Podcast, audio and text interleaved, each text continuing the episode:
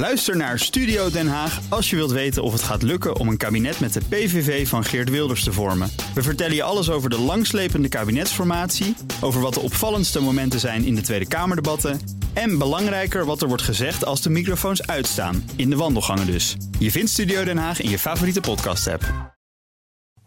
De column van Paul Lasseur. Niet Blokker, maar Albert Heijn zou wel eens de volgende V&D kunnen worden.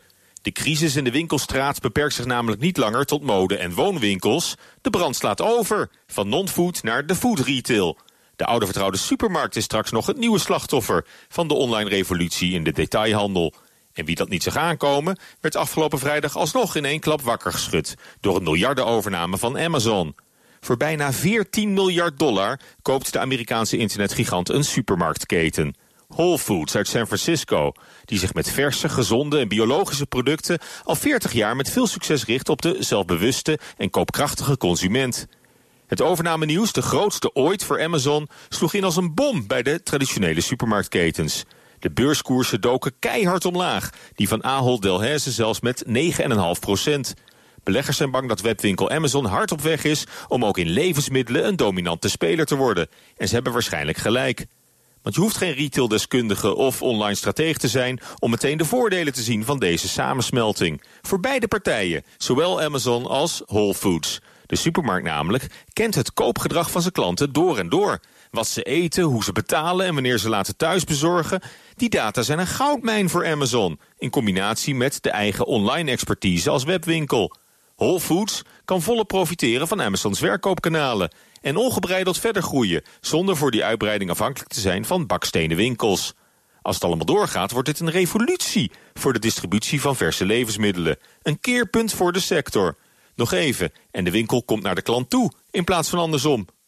Ahold heeft zitten slapen en dacht kennelijk dat de overname van bol.com genoeg was... om mee te kunnen komen in de online revolutie. Maar het moederconcern van Albert Heijn werd dit weekend rechts ingehaald door Amazon om te beginnen op de Amerikaanse markt. Maar je kunt erop wachten dat Amazons virtuele supermarkt straks ook in Europa aanslaat.